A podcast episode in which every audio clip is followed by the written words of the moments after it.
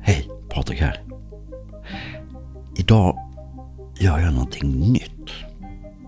Jag spelar nämligen in det här mitt på eftermiddagen.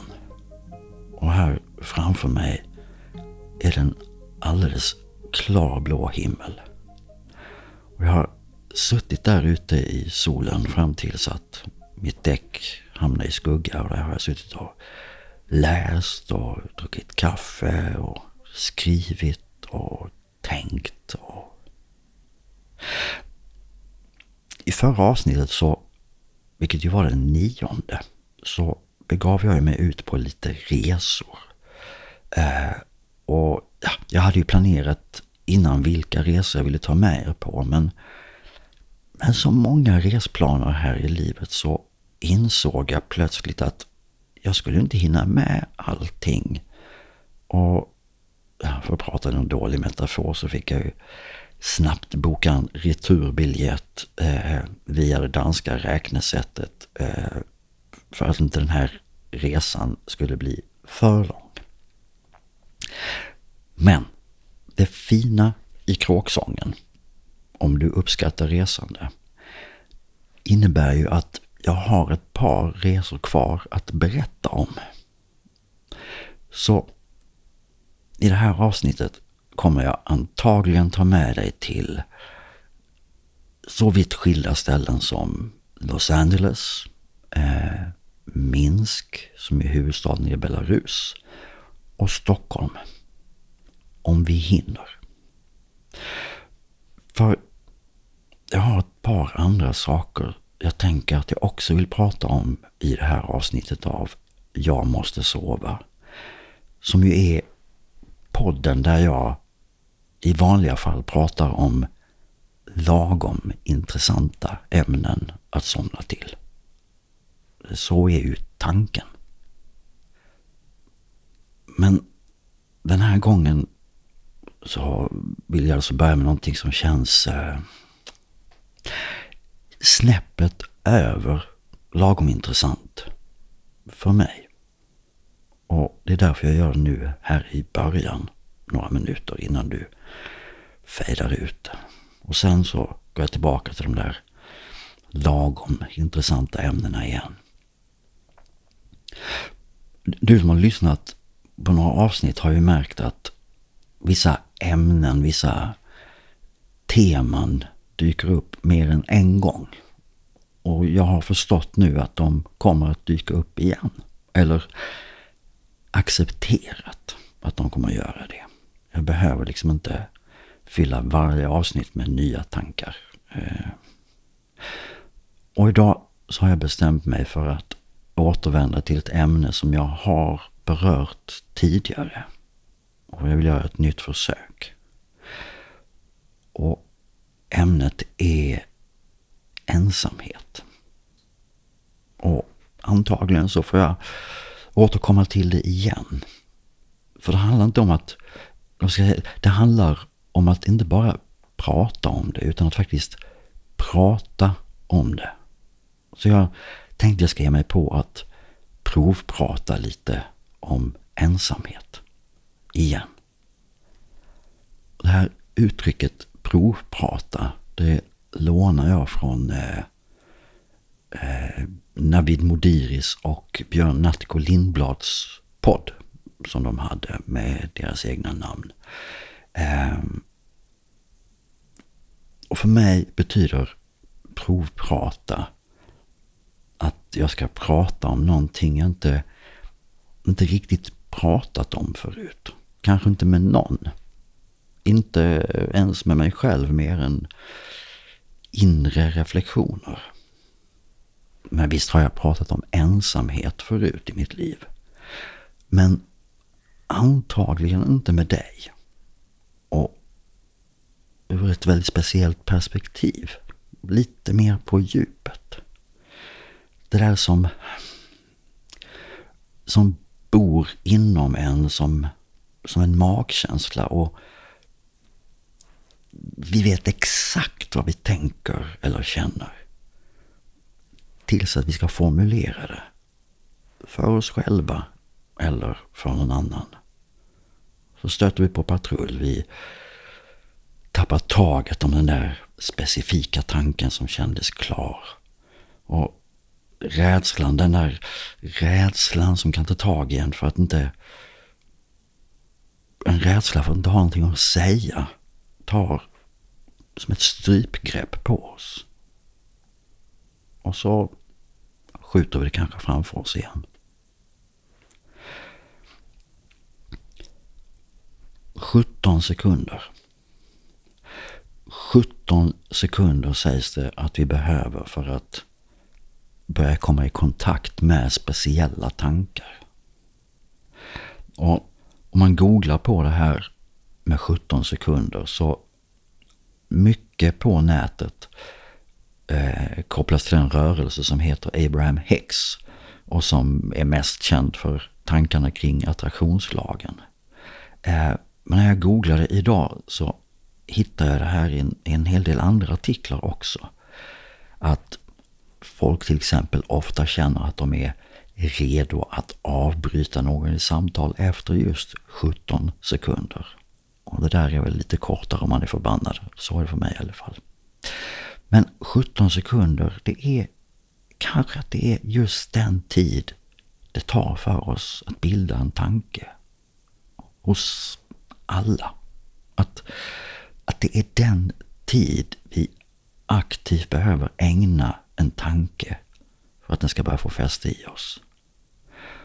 Och så nämns 68 sekunder för att den ska liksom kunna börja blomma ut.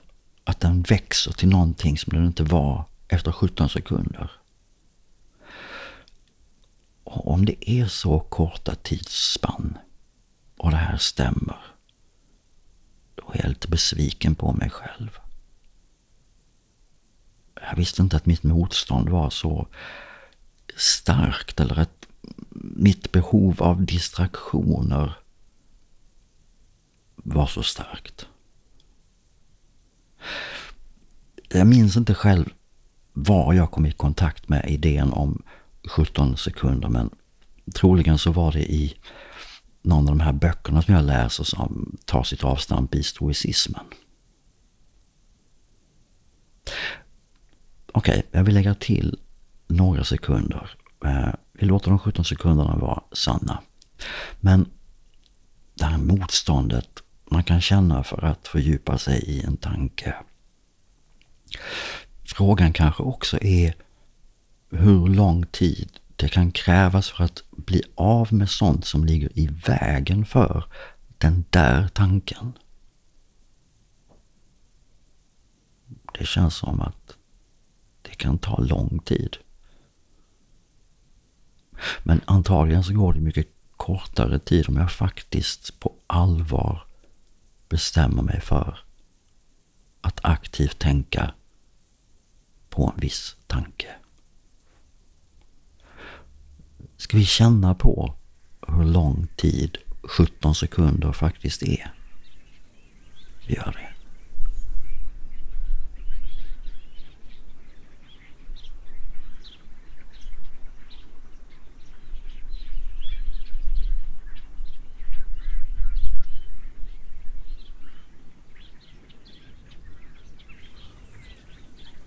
Det var 17 sekunder.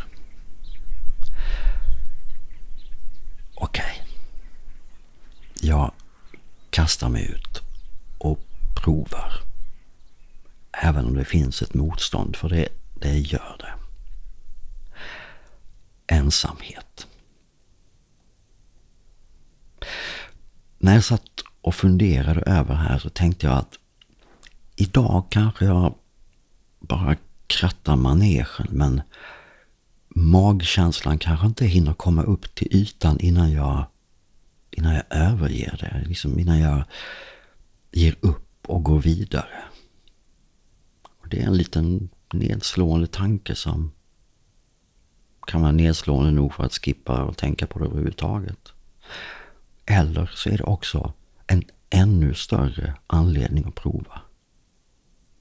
För om jag aldrig provar att tänka om det, att provprata om det, så kommer jag ju heller aldrig ha en chans att komma närmare det jag vill uttrycka. Så jag måste antagligen provprata om det igen en annan dag. När jag hunnit tänka lite mer på det. Är det inte så med hela livet? Vi söker vår filosofi. Vi försöker formulera vem vi själva är. Och så blir vi störda. Och detta eviga brus som tillåter oss att bli som vi tillåter oss att bli distraherade av. Och motståndet vi känner eftersom det känns så, så svårt. Okej. Förordet är klart. Nu börjar vi. Okej, så man får nog säga att jag bor ganska ensamt. Rent fysiskt, liksom geografiskt. Eh, och definitivt om jag jämför med hur jag har bott i större städer, ofta nära stadskärnan. Ständigt omgiven av folk och möjligheter till socialt umgänge, till bekräftelse, mental, fysisk, känslomässig. Men idag, där jag bor nu, är min närmaste visuella granne en hästhage. Storstan är utbytt mot en by på dryga 800 personer där jag i princip inte känner någon. Och inte har någon ambition om att bli bundis med särskilt många här ute heller.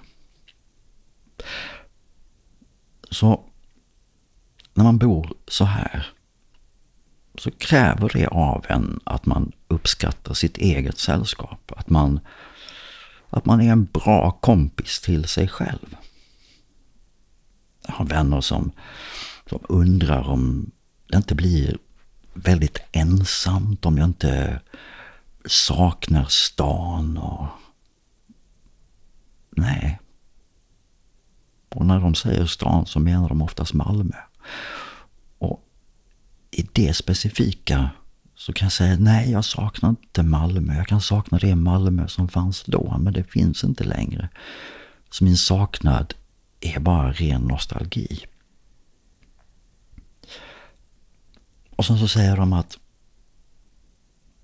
jag skulle aldrig kunna bo så själv även om det känns väldigt mysigt. Och så säger jag, har du provat? Eh, Nej, svarar de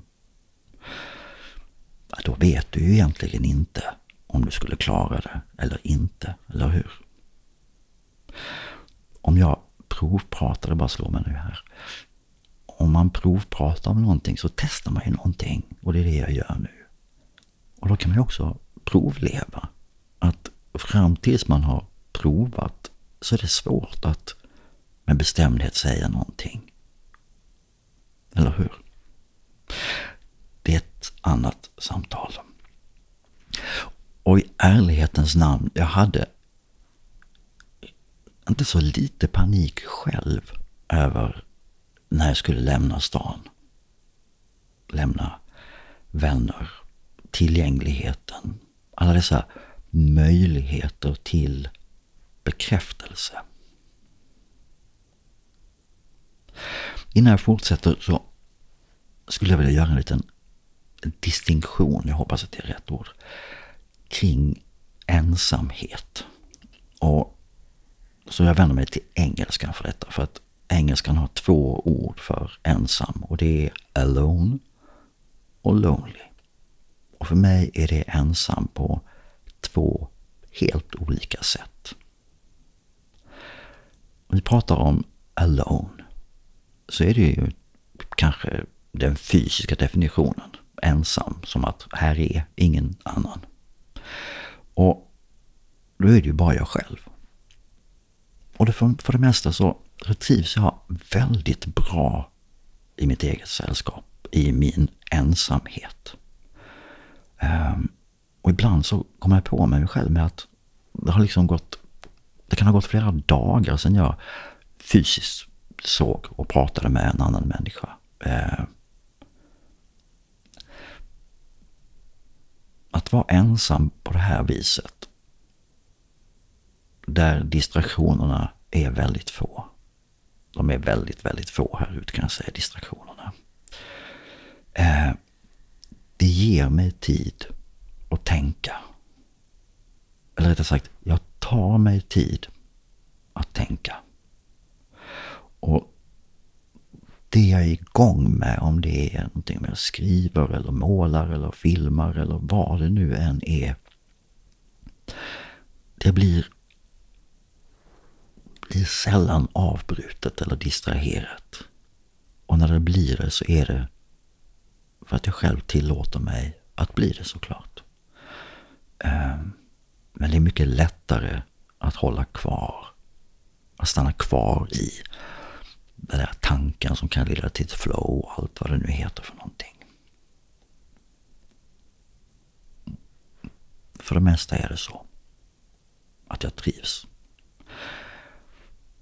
Men så ibland så kommer de där huggen.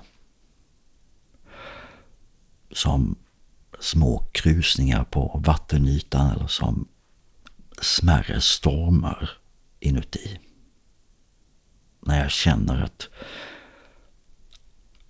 att jag är också människa, ett flockdjur med behov av närhet och bekräftelse, både mental och fysisk.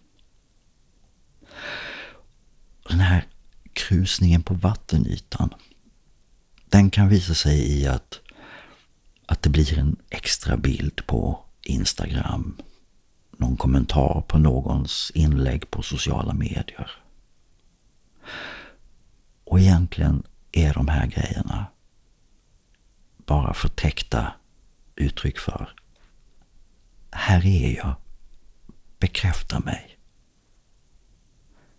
Hade jag bott i stan, då hade jag ringt någon. Då hade jag gått ut och tagit en kaffe, gått ut och tagit ett glas, suttit och snackat en stund och sen gått hem. Och att bo som jag, den där lättillgängliga lyxen, den finns inte. Och därför så kanske jag ibland lägger upp någon bild mer än jag hade gjort om jag hade bott i stan. Det var krusningar på vattenytan. Sen har vi den här, den här smärre eller större stormen. Den handlar om ensam som i saknar en relation. Där behovet av någon som säger att jag är den vackraste, sexigaste, finaste personen i hela världen känns väldigt påtaglig. Men de stormarna läcker jag inte ut på sociala medier. De, de rider jag ut själv. Att sippra ut sånt är inte särskilt eh,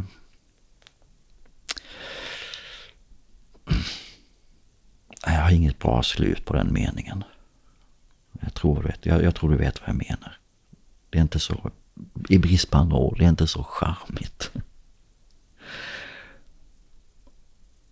Och tänk på det att på, på utsidan, på ytan, när vi går runt här i världen, så ser de flesta av oss ut som människor med ett jämnmod. Som att att livet är helt okej. Okay. Och så där under ytan så... När jag utbildar skådespelare i filmskådespeleri så brukar jag göra en liten liknelse över hur lite man behöver göra på film för att ändå förmedla någonting till tittaren. Och då brukar jag tänka så här, jag brukar säga till dem att tänk att det är en lördag. och du befinner dig i en stad. Och så går du på en promenad genom hela centrum och tillbaka.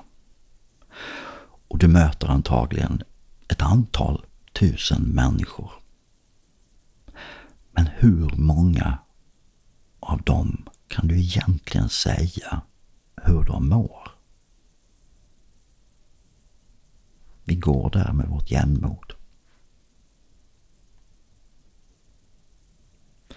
Okej, okay, jag ska försöka ta mig vidare min egen, min egen tanke här. När den där krusningen eller den här stormen är där, vad gör jag då? Vad gör jag när jag vill styra mitt lilla skepp mot fördelaktigare vindar igen? Dels så är jag väldigt förlåtande mot mig själv kring mina extra, lite needy inlägg på sociala medier. För att jag vet varför jag gör dem. För att jag är lite needy. Och att det går över. Och så påminner jag mig om att jag faktiskt är min egen kompis och att jag har roliga projekt om jag bara vill och sätter igång. Och det viktigaste av allt är väl nog att påminna mig själv om att jag alltid själv har makten i mina egna beslut. Om behovet av mänsklig interaktion är så stort så finns det en like, bara ett telefonsamtal eller en bilfärd bort. Och så kan vi ju alltid metakommunicera med oss själva. Alltså, ta ett litet fågelperspektiv på det, vad det är som händer just nu. Så en fråga kan det vara till exempel så här. Jag har aldrig ställt den här till mig själv, men man kan fråga sig själv. Patrik, är det här som ett godissug? Något som går över på fem minuter om du lämnar det i fred? Eller lider du av näringsbrist? Och så beroende på Förlåt, det var en märklig frågeställning. Men beroende på svaren här så kan vi ställa fler frågor till oss själva som fördjupar vår egen insikt. Och kom ihåg, om det stämmer, 17 sekunder. Mm. Mm, det här är nog så långt jag kommer kring ämnet den här gången. Och varför jag valde att prata om detta just den här gången, det, det får du lista ut själv. Mm. Jag fick plötsligt en insikt kring det här med att bo ensam, att vara ensam. Eh, jag minns min pappa gick bort och sorgen som kom därefter. Eh, och då har jag en storbror. Och vid den tiden så levde min storbror med, med sin nuvarande hustru. Och jag levde ensam. Och jag kommer ihåg att varje gång jag ville prata om sorgen efter min pappa med någon bekant, med någon vän, så fick jag alltid liksom börja från början och berätta liksom bakgrund till varför saker och ting var som de var nu. Och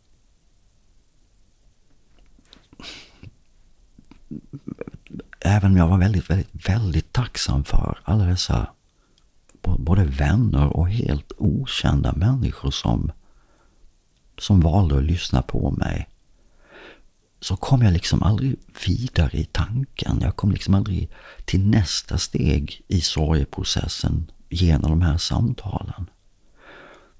Och så pratade jag med min bror om detta och han berättade att han och hans fru, de kunde ju liksom inleda ett samtal om det på kvällen när de gick och la sig. Sen kunde de sova. Och när de vaknade på morgonen så kunde de bara fortsätta. Min bror behövde inte backa till ruta ett för att förklara någonting utan samtalet kunde fortsätta och han kunde få tankar från från sin hustru kring detta. Så att som jag liksom välja att vara ensam i så stor utsträckning. Och det vill jag. Men det gör också att det kan, att det kan kännas ibland som att mina tankar går i cirklar. Att om jag bara haft lite fler samtal med människor så hade jag kunnat gå vidare. Fördjupa. Utveckla. Som nu. Kring mina tankar om ensamhet. Vad tänker du själv? Okej, okay, jag tänker att vi går vidare. Och jag ska börja med en liten omväg via Instagram. Eh, för att för min del så kan flödet på min Instagram ibland bli som rena citatmaskinen. Eh, med höga och mindre höga citat. Och igår så läste jag det här citatet. The limits of my language means the limits of my world. Mitt språks begränsningar innebär min världs begränsningar. Och det ska vara filosofen Carl Wittgenstein som ska ha sagt det här. Men det vet vi kanske inte helt säkert och ärligt talat, jag tycker inte det spelar någon jättestor roll vem som sa vad. Det är kanske egentligen mest viktigt för namndropparna och jag är nog inte så mycket namndroppare längre. Men det viktigaste är väl bara att de här sakerna blir sagda. Eller? Så okej, okay. här kommer mina tankar kring mitt språks begränsningar innebär min världs begränsningar. Det finns några språk som jag är flytande i. Och sen finns det de som jag bara kan ja, några få ord och fraser. Men de få fraserna har också öppnat upp världar av möten och vänlighet. Och den hittills viktigaste frasen för min egen del, det är att kunna säga till någon på deras eget språk att jag inte talar språket. Att i Israel till en betydligt äldre person kunna säga Slicha, anilo medaber ivrit. Eller i Paris till den genomsnittliga fransmannen kunna säga Euh, je suis désolé, mais je parle seulement un petit peu français. Parlez-vous anglais, s'il vous plaît? Det öppnar dörrar. Jag lovar. För det tar bort press från den andra som inte är så bra på det här internationella språket som de flesta av oss pratar som rinnande vatten. För att genom att säga just det jag sa på deras eget språk. Med det vill jag visa att hade jag kunnat samtala på deras språk så hade jag gjort det. Jag vill visa att jag vill kommunicera. Hur vet jag inte när vi inte har ett gemensamt språk. Men det löser vi. Jag har sett människor prata med varandra på varsitt språk utan att förstå ett enda ord av varandra. Och i, de har haft så otroligt kul. De har skrattat och de, alltså det, det känns som att de förstår inte orden men de förstår undertexten eller jag vet inte hur jag ska förklara det. Jag tänkte att vi ska bege oss till Minsk i Belarus och året är 2019. Men innan jag tar med dig dit så tänkte jag skulle prata lite grann om säkerhetskontroller.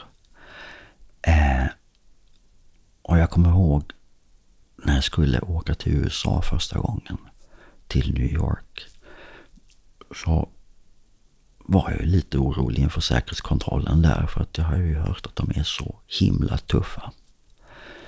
Och mycket riktigt när jag kommer fram så sitter det en väldigt, väldigt stor man med barsk blick och så frågar han What's the purpose of your stay sir? Och jag hade fullständigt glömt bort ordet för eh, nöje. Att jag inte var där för arbete, utan jag var där för nöjes skull. Men det kom fram, så leisure.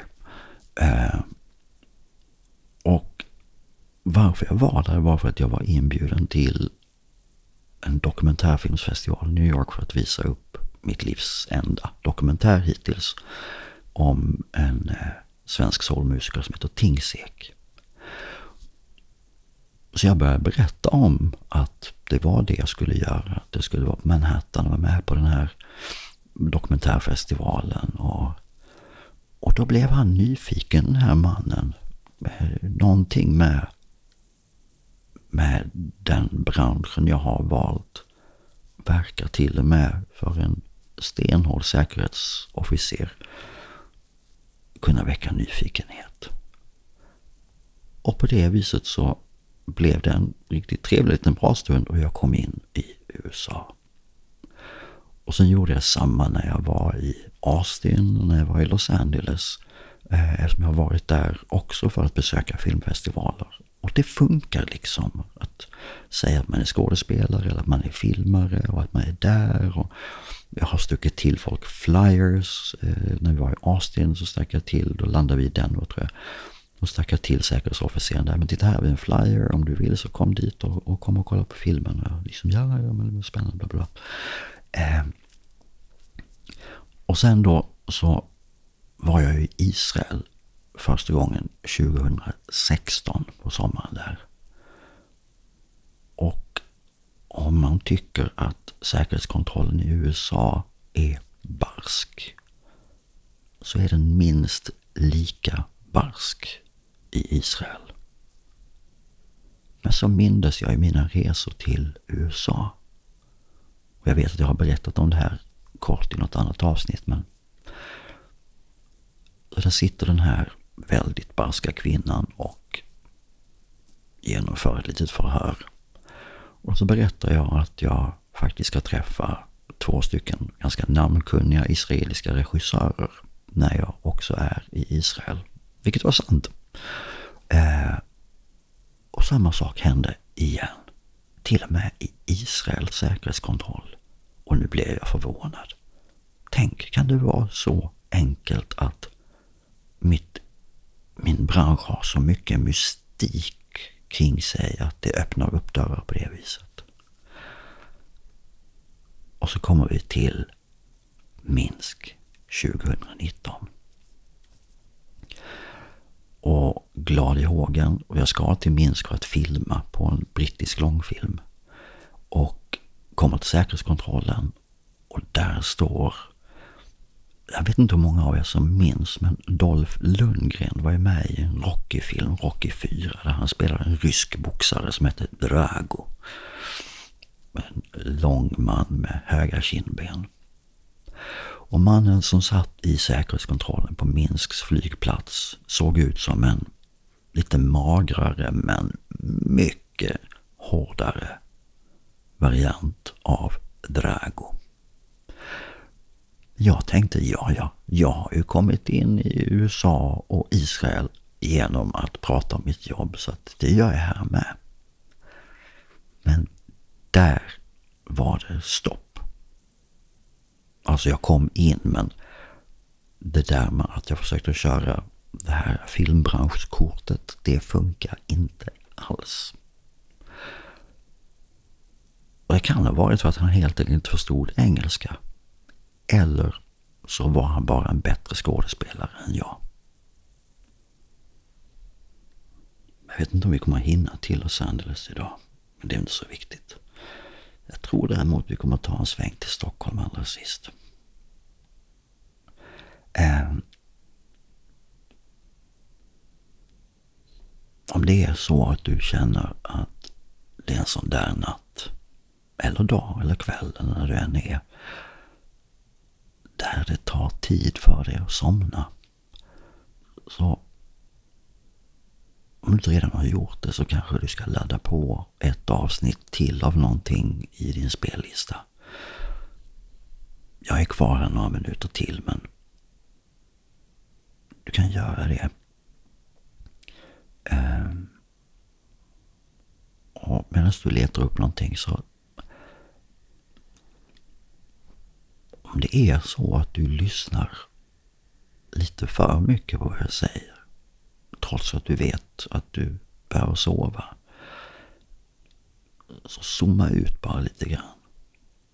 Det är ju ändå så att vill du lyssna på mer noggrant på vad jag säger så du kan ju lyssna på det här imorgon också för jag lovar jag säger exakt samma saker som jag gör just nu.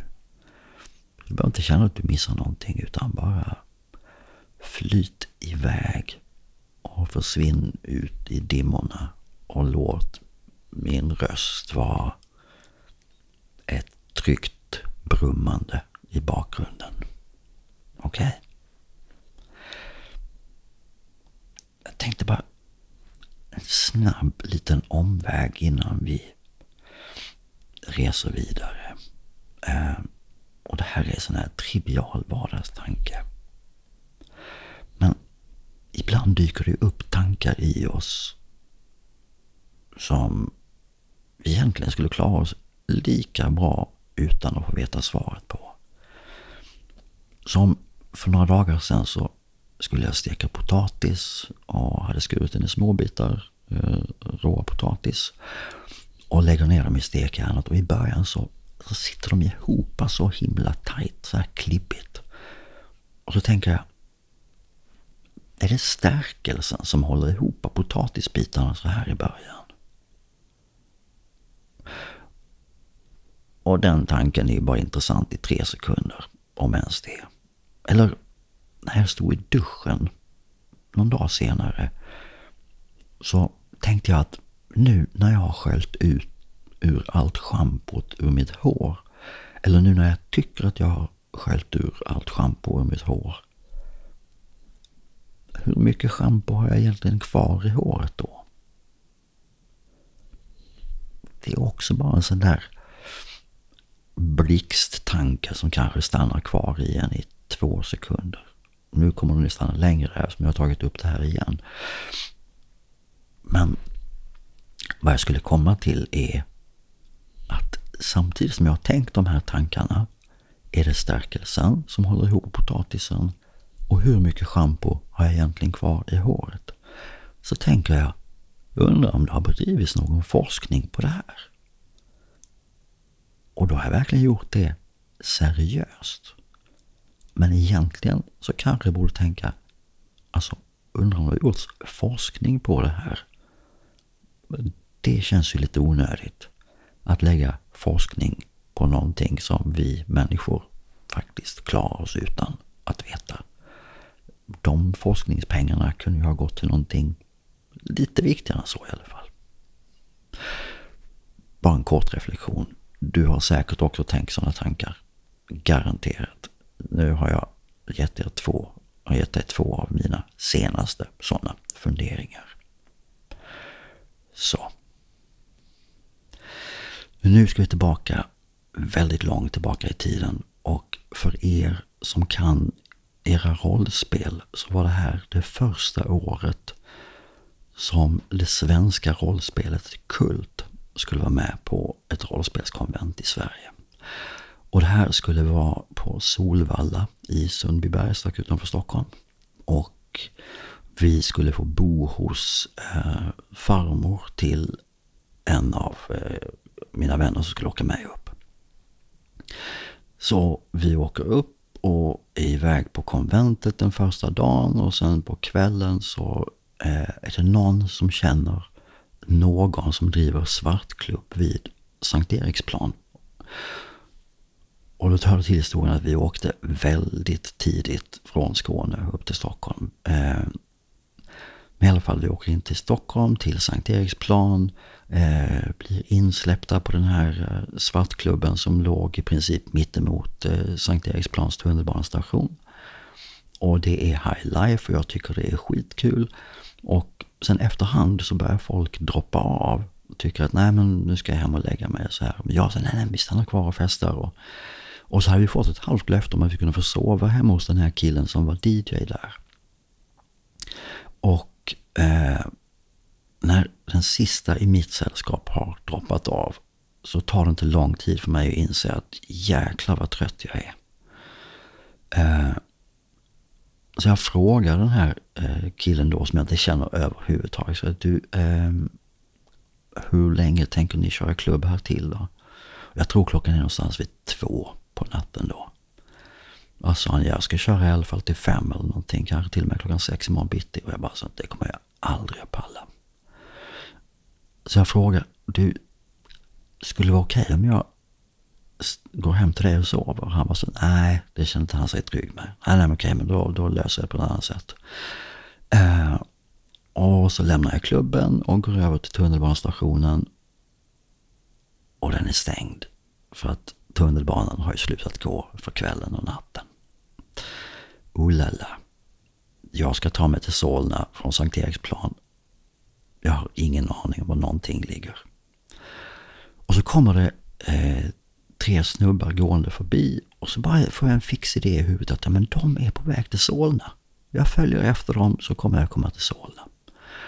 Och jag går efter dem rätt länge, kanske, kanske 20 minuter. Och så stannar den ene killen för att pinka. Och så tänkte jag, men jag frågar då. Jag går fram och ställer mig bredvid honom och pinkar och säger, ursäkta, ursäkta mig en dum skåning, men visst är ni på väg till Solna? Och så börjar han asgarva och så säger han till sina kompisar, grabbar, den här killen som har gått efter oss i 20 minuter, han tror att vi är på väg till Solna. Och de bara garvar. Och de bara säger, nej, då ska du vända och ska du gå tillbaka exakt det hållet du har kommit ifrån och förbi där vid Sankt Eriksplans tunnelstation och så bara går du rakt fram och så ska du sikta mot Huvudsta. Då är du på väg, på rätt väg. Okej. Okay. Så jag vänder och går och går förbi Sankt Eriksplans tunnelbanestation och går och går och går. Eh, och jag till och med inser att jag har gått vilse. Jag har ingen aning om hur, men jag förstår att jag har gått vilse. Och jag lyckas på något vis styra upp det här, tänker jag. Och tror att jag har börjat hitta rätt trots att jag inte har en aning vad jag är. Och så hittar jag en, en cykel som ligger slängd. En cykel där det inte är något däck på framhjulet och där det inte är, där det är punktering på bakhjulet. Sätter mig på den och trampar iväg. Och så får jag syn på motorvägen eh, en bra bit därifrån. Jag kan se på skyltarna att det står Huvudsta och Solna och Sundbyberg. Och så kommer jag fram till en busshållplats där det står Solna. Tänker yes. Eh, slänger cykeln och det kommer en buss bara några minuter senare. Vi hoppar på och bussen kör iväg och så säger jag Solna centrum. Och busschauffören tvärstannar och så säger han vi stannar inte där på den här turen utan då får du gå tillbaka till där busshållplatsen var, över på andra sidan gatan och ta en nattbuss in till stan. Okej. Okay. Så jag går tillbaka, hittar den här busshållplatsen, hoppar på en buss, åker in till stan igen, till något stort torg som jag än idag inte vet vilket det var, men där gick nattbussar ifrån. Lyckas hitta rätt och kommer på rätt buss eh, och sätter mig på det allra första ensamma sätet, ni vet. Och säger till busschauffören att du, jag ska av i Solna centrum, men jag är trött och jag vet inte om jag skulle känna igen mig. Om jag somnar, kan du väcka mig då? Absolut, absolut inga problem. Och det tar inte lång tid, det tar bara några sekunder så har jag somnat. Och, och så vaknar jag till och tänker att vi är inte i Solna centrum, vi är nog längre iväg.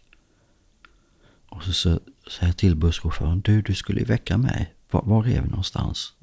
Och så skrattar han bara. Ja, oh, oh, förlåt, förlåt, förlåt. Så han, men du, vi, vi är i Sundbyberg så det är inte så farligt. Och så pekar han i en riktning. Eh, så han bara går rakt mot det hållet så kommer du till Solna centrum. Ja, okej. Okay. Bussen kör iväg och jag promenerar och jag ser vad som är min värld är 150 hyreshus som ser ut exakt som det hyreshuset jag ska till. Och jag går och jag går och jag går. Och, och Jag vet inte varför, men helt plötsligt så är jag utanför just det huset jag ska till. Och det vet jag för att vår hyrbil står precis utanför porten. Men klockan är halv sju eller någonting på morgonen. Och porten är låst. Som tur är så är det jag som har nycklarna till bilen. Så jag går och lägger mig i bilen och somnar. Och väcks efter ungefär en halvtimme, tre kvart. För att då är det nämligen dags att åka iväg till spelkonventet igen. Den här resan som är kollektivtrafik tar 18 minuter. Tog dryga fyra timmar för mig. Men den här resan har varit med mig hela livet sedan dess. Okej, okay, då tänker jag att vi parkerar flygplanet för ikväll. Godnatt.